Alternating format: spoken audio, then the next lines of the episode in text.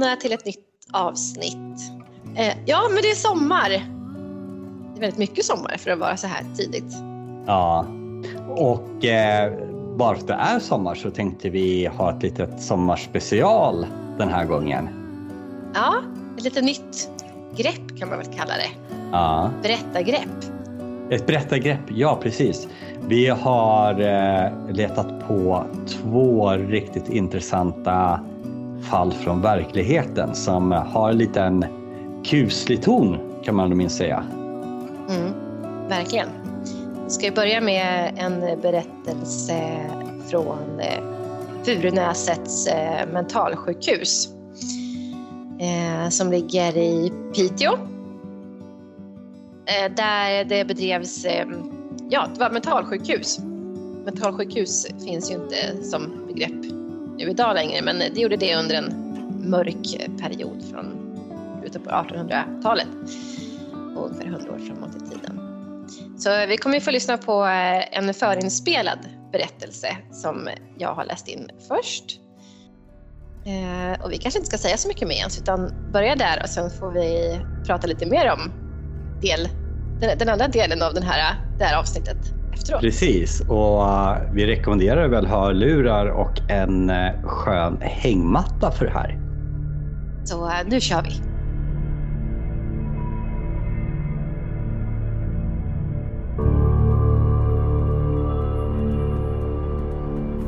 Det har rapporterats om spöklika upplevelser på Furunäsets hotell och konferens. Furunäset som ruvar på ett mörkt förflutet. Furunäset som under knappt hundra år var ett fruktat namn och skapade fasa och förtvivlan hos många av dem som hamnade här. Inspärrade på det mentalsjukhus som i folkmun kallades Borgen.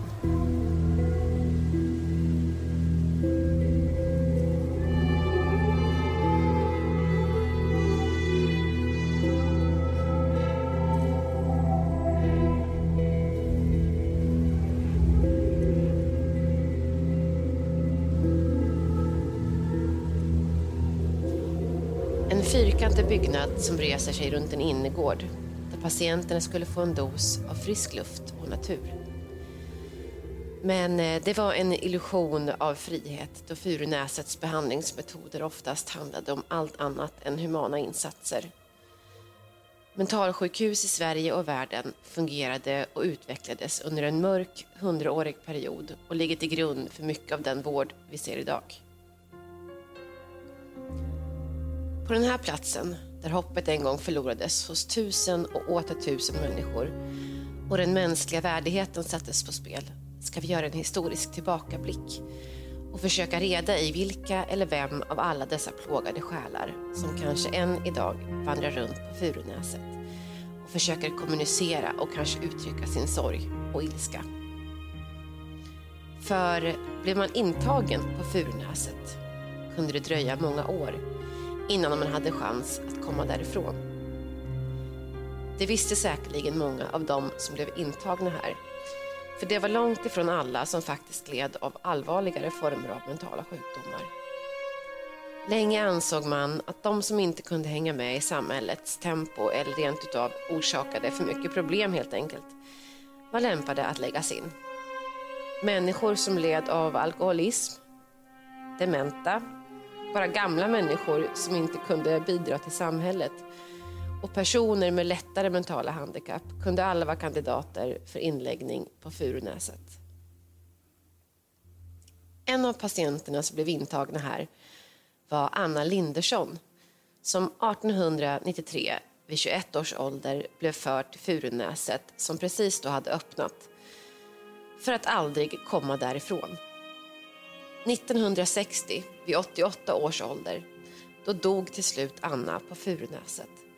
Och det berättas att hon aldrig under hela sin 67-åriga sjukhusvistelse fick en enda besökare. Hon anses också vara den som har varit längst inlagd på mentalsjukhus någonsin i Sverige. Och även om vi inte vet mycket om orsakerna till hennes öde så skär det i hjärtat. Och vi får orsak att återkomma till historien om Anna lite senare.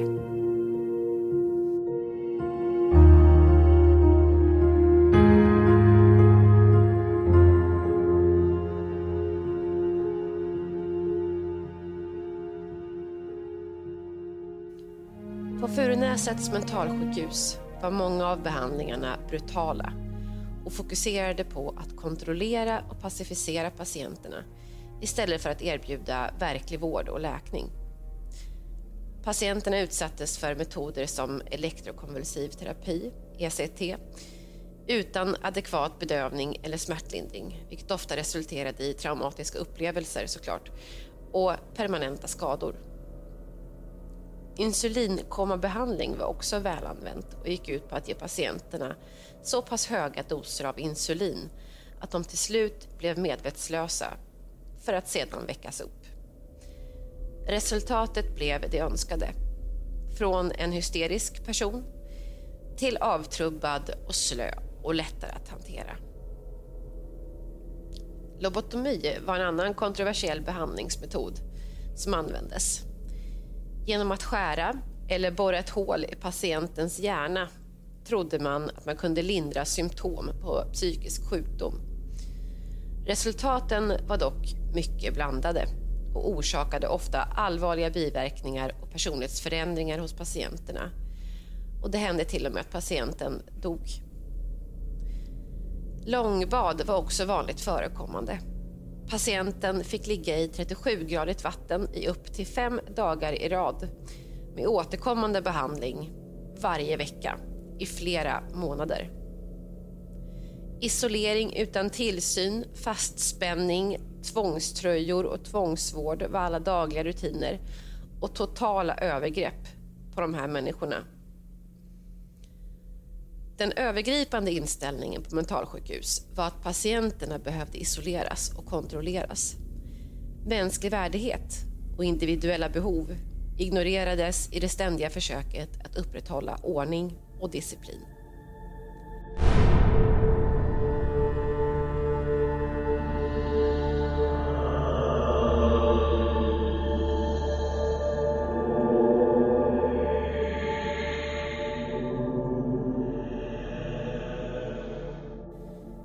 Under mitten på 1900-talet fanns det 800 patienter på Furunäset och det var lika med maxkapacitet. Och personalen på mentalsjukhuset var ofta otillräcklig och överarbetad. Det här resulterade i bristande vård och brist på individuell uppmärksamhet för patienterna. De behandlades som anonyma nummer snarare än som individer med egna unika behov och känslor. Sjukhusmiljön var kall och steril och möjligheterna till meningsfull sysselsättning eller rehabilitering var minimal. Det var inte förrän senare under 1900-talet när reformrörelsen vann terräng och allmänheten blev medveten om de grymma förhållandena som rådde som stora förändringar började ske. Insikten om att psykisk sjukdom är en medicinsk sjukdom och inte en moralisk svaghet av något slag ledde till en förskjutning mot en mer human och individanpassad vård. Idag finns det en bredare förståelse för mental ohälsa. Självbestämmande och delaktighet i beslutsfattanden är en självklarhet. Mentalsjukhusen har genomgått förändringar och mentalsjukhus inte ens ett begrepp som används längre. Och idag så fokuserar man istället på rehabilitering, terapi och samhällsbaserad vård. Det finns också en ökad medvetenhet om behovet av psykosocialt stöd och arbete för att minska stigmatiseringen av psykisk ohälsa. Idag är Furunäset en hotell och konferensbyggnad med en tillhörande företagspark som alltid kommer vara en mörk påminnelse om en tid då människor led under avhumaniserande förhållanden. Det fungerar också som en påminnelse om vikten av att lära av historien och att fortsätta arbeta för att förbättra vården och förståelsen för psykisk ohälsa.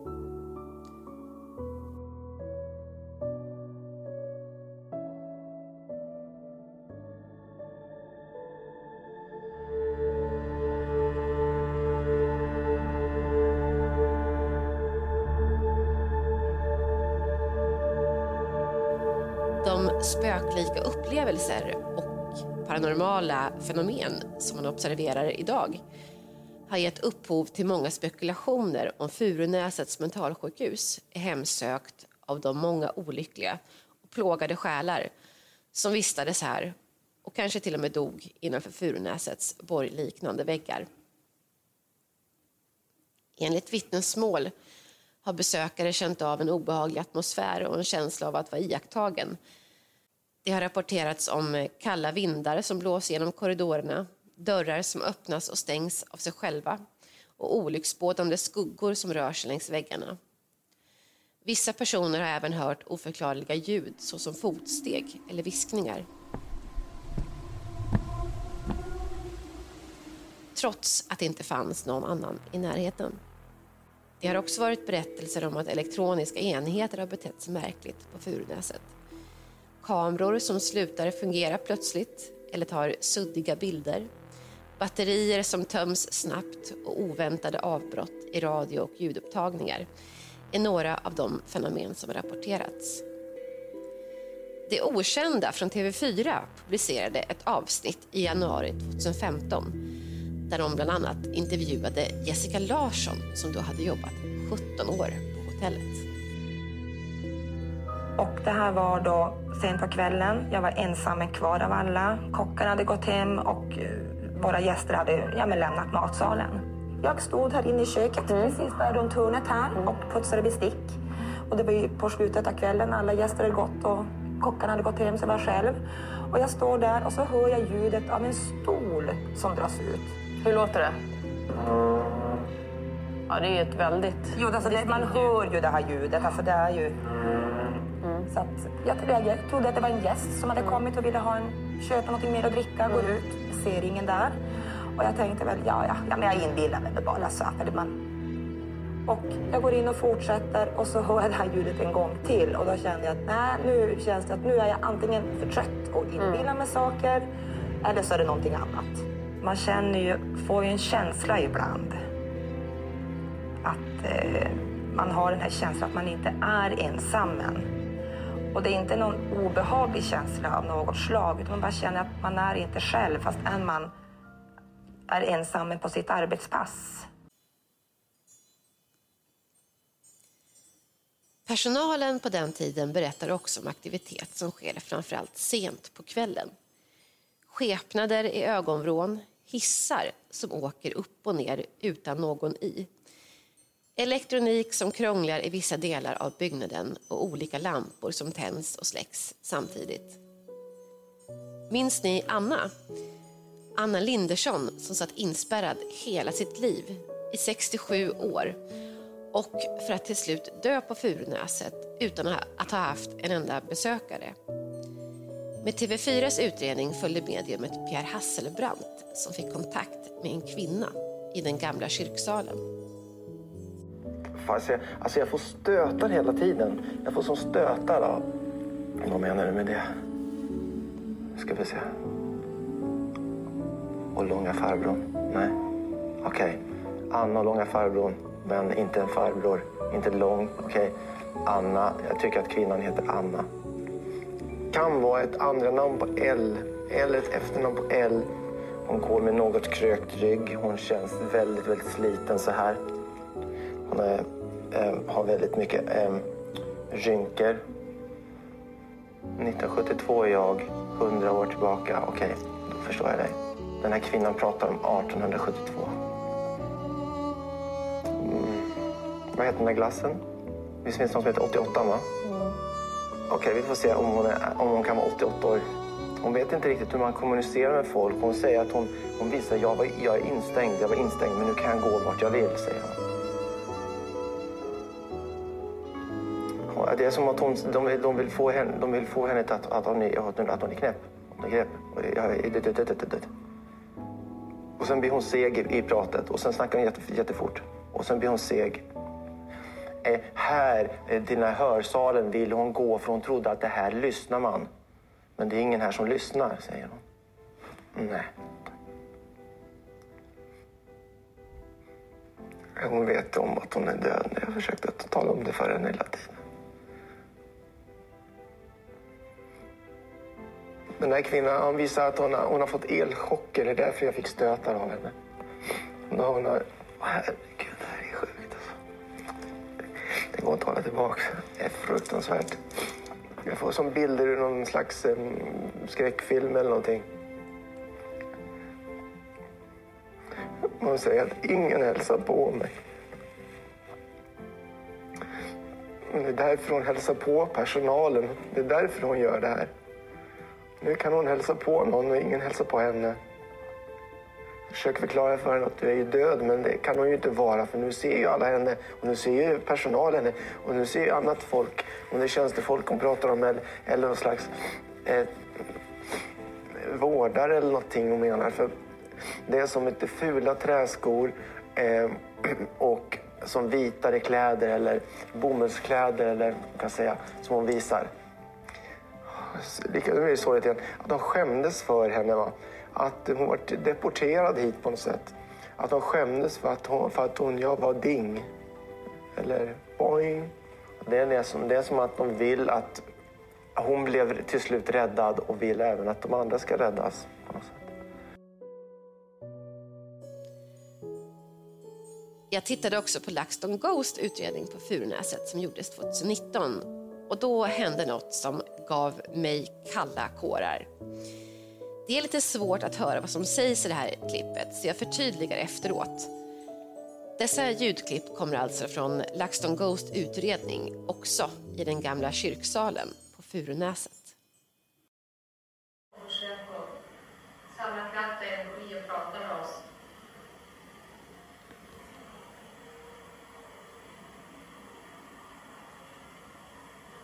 när är det brukar vara här inne i gamla kyrksalen?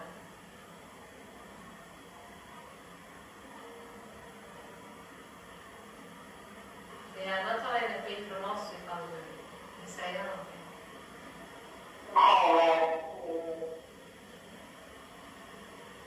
Vad heter du?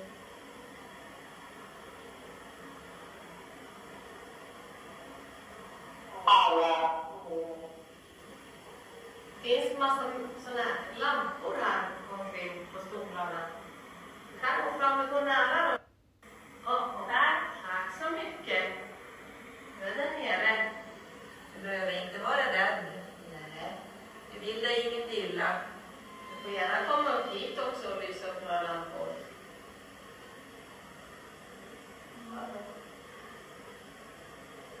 Kom här mot min röst. Om du kommer Här används utrustning som sägs kunna fånga upp röster eller ljud från andar. Och jag har försökt förstå vilket det är och vad den gör, men jag känner mig fortfarande lite osäker. Men om ni vill se hela utredningen så länkar vi till den på Facebook. Eller så söker ni själva på LaxTon Furunäsets sjukhus så hittar ni all, allt utredningsmaterial i sin helhet. Det vi hör först som svar på en fråga är kommer. Och det som är tydligt när frågan ställs vad personen heter, det är Anna. Och här så fick jag världens rysningar och får även nu när jag sitter och spelar in det här. Sen lite senare säger personen ser mig. Och det känns som en fråga som blir hängandes i luften. Och får inte ni känslan också av att Anna än idag försöker bli sedd? Jag hoppas verkligen att Anna ändå har fått ro i sin själ och alla andra själar som måste ha genomlidit helvetets alla kval innan de på ett eller annat sätt kom ifrån Furunäsets mentalsjukhus.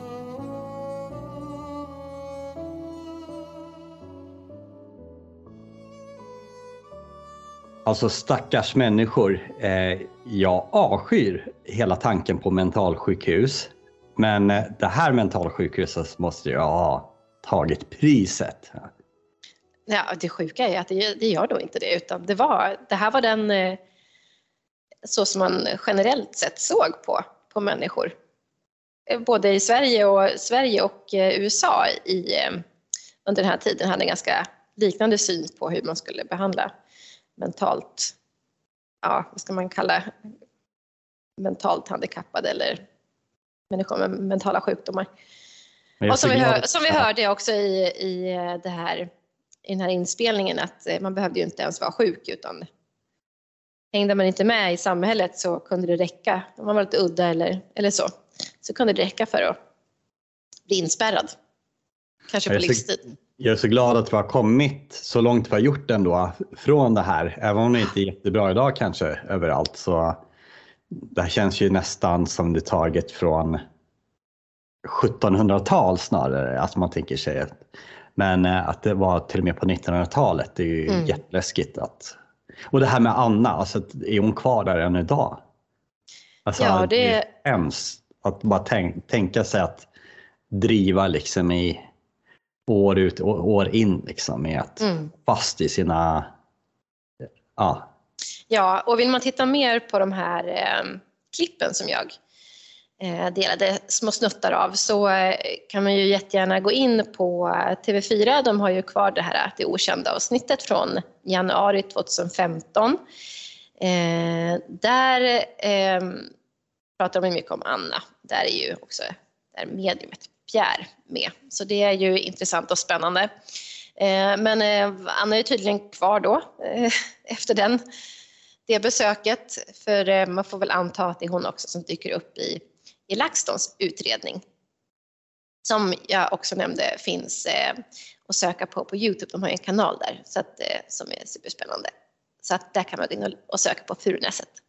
och det är ju ganska roligt att få lite bilder och ansikten på de som varit med där. Mm. Att verkligen se och liksom omgivningen när de har spelat in och sånt. Ja, och varför inte åka dit själv och checka in? Precis, man kan ju bo där en natt om man vill, om man är modig.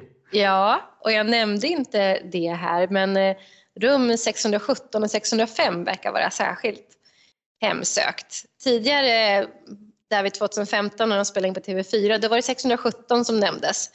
Eh, Men sen eh, senare med LaxTons utredning så var det 200, eller vad säger jag, förlåt, 605 som mest hemsökt. Så de kanske flyttar runt där, vem vet? Ja, man tänker kanske liksom driver emellan de här, Ja. någon korridor och sånt. Ja, men Ja. i nästa del då, nästa berättelse, då ska vi förflytta oss längre österut till eh, Ryssland. Och bara, bara ordet Ryssland får ju en att rysa idag kanske. Men eh, där har det ju pågått en hel del otäckheter också genom tiderna. Men den här gången blir det inte om mentalsjukhus. Oförklarliga historier som är väldokumenterade kittlar lite extra. Den här händelsen som du ska få höra skedde under den tidiga vintern ute i ryska vildmarken på sent 50-tal.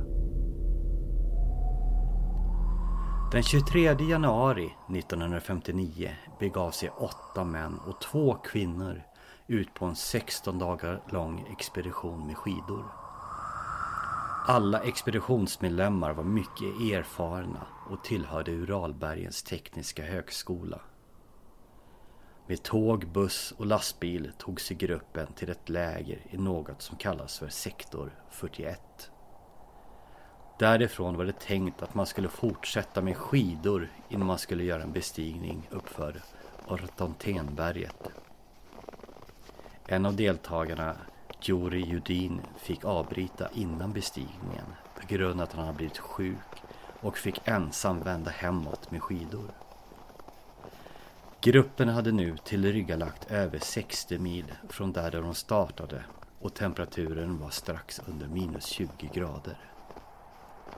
Man slog upp ett läger och reste tält vid berget Kolat Syakal och skrev vad som skulle visa sig bli det sista dagboksanteckningarna innan något ödesdigert skedde och alla nio medlemmar dog. Den efterföljande spaningen efter expeditionen började inte förrän efter 20 dagar senare. Det man skulle hitta har sedan dess varit ett mysterium. Tältet där expeditionsmedlemmarna sov var uppskuret inifrån och spår ledde därifrån i flera riktningar. Någon slags panik verkar ha utbrutit under den natten. Spåren visade på att flera hade varit barfota och de flesta ytterkläderna var kvar i tältet. Det tog lång tid innan man hade hittat alla kroppar i området.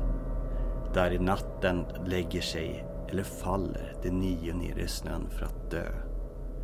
Alla kommer att hittas, men inte på samma ställe. I små grupper på två och tre försöker de alla, får man förmoda, hitta vägen tillbaka till tältet. Obduktion visade på besynliga skador och även höga halter av strålning. Två av kropparna hade flertalet krossade reben men däremot inte några blåmärken eller yttre skador på kroppen. En av kvinnorna saknade tunga och ögon och två av männen hade kraftiga skallfrakturer. Någon hade dessutom brännskador på kroppen. Den första brottsutredningen genomfördes av en åklagare vid namn Lev Ivanov men kom till en kryptisk slutsats. Orsaken till deras bortgång, sade rapporten, var en överväldigande kraft som vandrarna inte kunde övervinna. Vad som hände den där vinternatten är fortfarande ett mysterium. Fler utredningar har genomförts sedan dess och ett 70-tal teorier har lagts fram. Den ledande teorin är att något snöskred har utlöst. Men det förklarar varken strålning, brännskador eller att det saknades yttre skador på en del av kropparna. Och hur skulle det med krossade skallar kunna tagit sig långt bort ifrån tältet?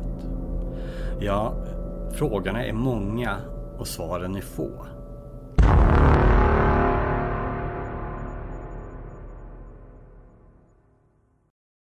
Ja, vilken eh, konstig historia. Det, det här, som du sa, alltså det väcker ju fler frågor än, än man får svar. Ja. Man försöker ju han- hitta vad kan ha hänt så här och alla de här äh, teorierna, vad var det, 70 stycken. Det är ju, eh, ja, det kan ju inte vara vitt skilda teorier. Det måste ju finnas lite sådär likheter mellan dem men att någon sticker ut lite extra. Och, ja, nej, det är väldigt, väldigt mystiskt allting. Det som, är, som inte togs upp i historien är att en av de här teorierna, det har setts ganska mycket eh, olika sådana här eh, orber eller ljussken. Då, så att det har ju funnits ganska mycket sådana här ufo-observationer i området. Eh, vilket också förstås har blivit en teori, men den är ju kanske en av de mest svåra att förklara eh, av naturliga skäl. Eh, så att man vill ju gärna liksom tänka sig att det skulle vara någonting som har med eh, alltså snöskred och, och liknande. Men ingen av de här, det finns faktiskt flera som har att göra med några väldigt speciella vindar som kan, alltså typ någon form av orkanliknande saker och så här. Men det är ingenting som kan Liksom, det kan förklara oftast en liten del av det men så då blir det ändå så här fem, sex frågetecken på något annat. Det var, eh, jag ska inte säga att de är som samer men det fanns ändå ett, ett eh, eh, folkslag som bodde i närheten där. Som också då blev misstänkliggjorda men man såg ju inga spår efter dem på något sätt och det fanns heller inget motiv till det här. Och sen dessutom så var det ju Eh, det var ju minus 20 den natten men det var minus 45 eh, i dagarna innan och efter någonstans. Så det är fruktansvärt för folk att ge sig ut.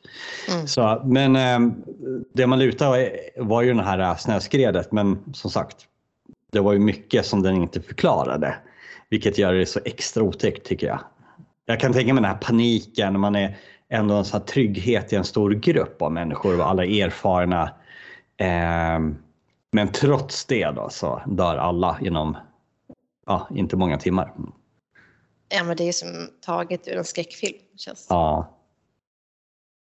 Och veta att man har 60 mil hem. Liksom. Att det är inte så Ja, ja, att nej, det är inte, vi är inte en suck. vi tar skidorna och åker hem nu. Ja, det- går inte. Nej, fy sjutton. Fy, fruktansvärt. Men du, kan man hitta mer information om det här någonstans om man är nyfiken? Ja, eh, Jatlov, eh, eller D-J-A-T-L-O-V. Vi får posta om det. Eh, det finns Mm. jättemycket information. Eh, speciellt finns det en internationell sida där man har eh, det är hundratals dokument, är väldigt många foton. Där man kan se allt från obduktionsrapporter eh, till eh, jag ska säga fotona, visst de är otäcka på sitt sätt men de är inte det är mycket så här frusna Mycket kroppar fruset och snö. Ja. och snö. Så att det, det är inte så otäckt att gå in på att det liksom på det sättet. Men eh, sen ser man ju då alla foton på dem som de fotar eh, på resan så att säga. Så när de alla är glada och liksom Ja. så här står och vinkar och, och så här.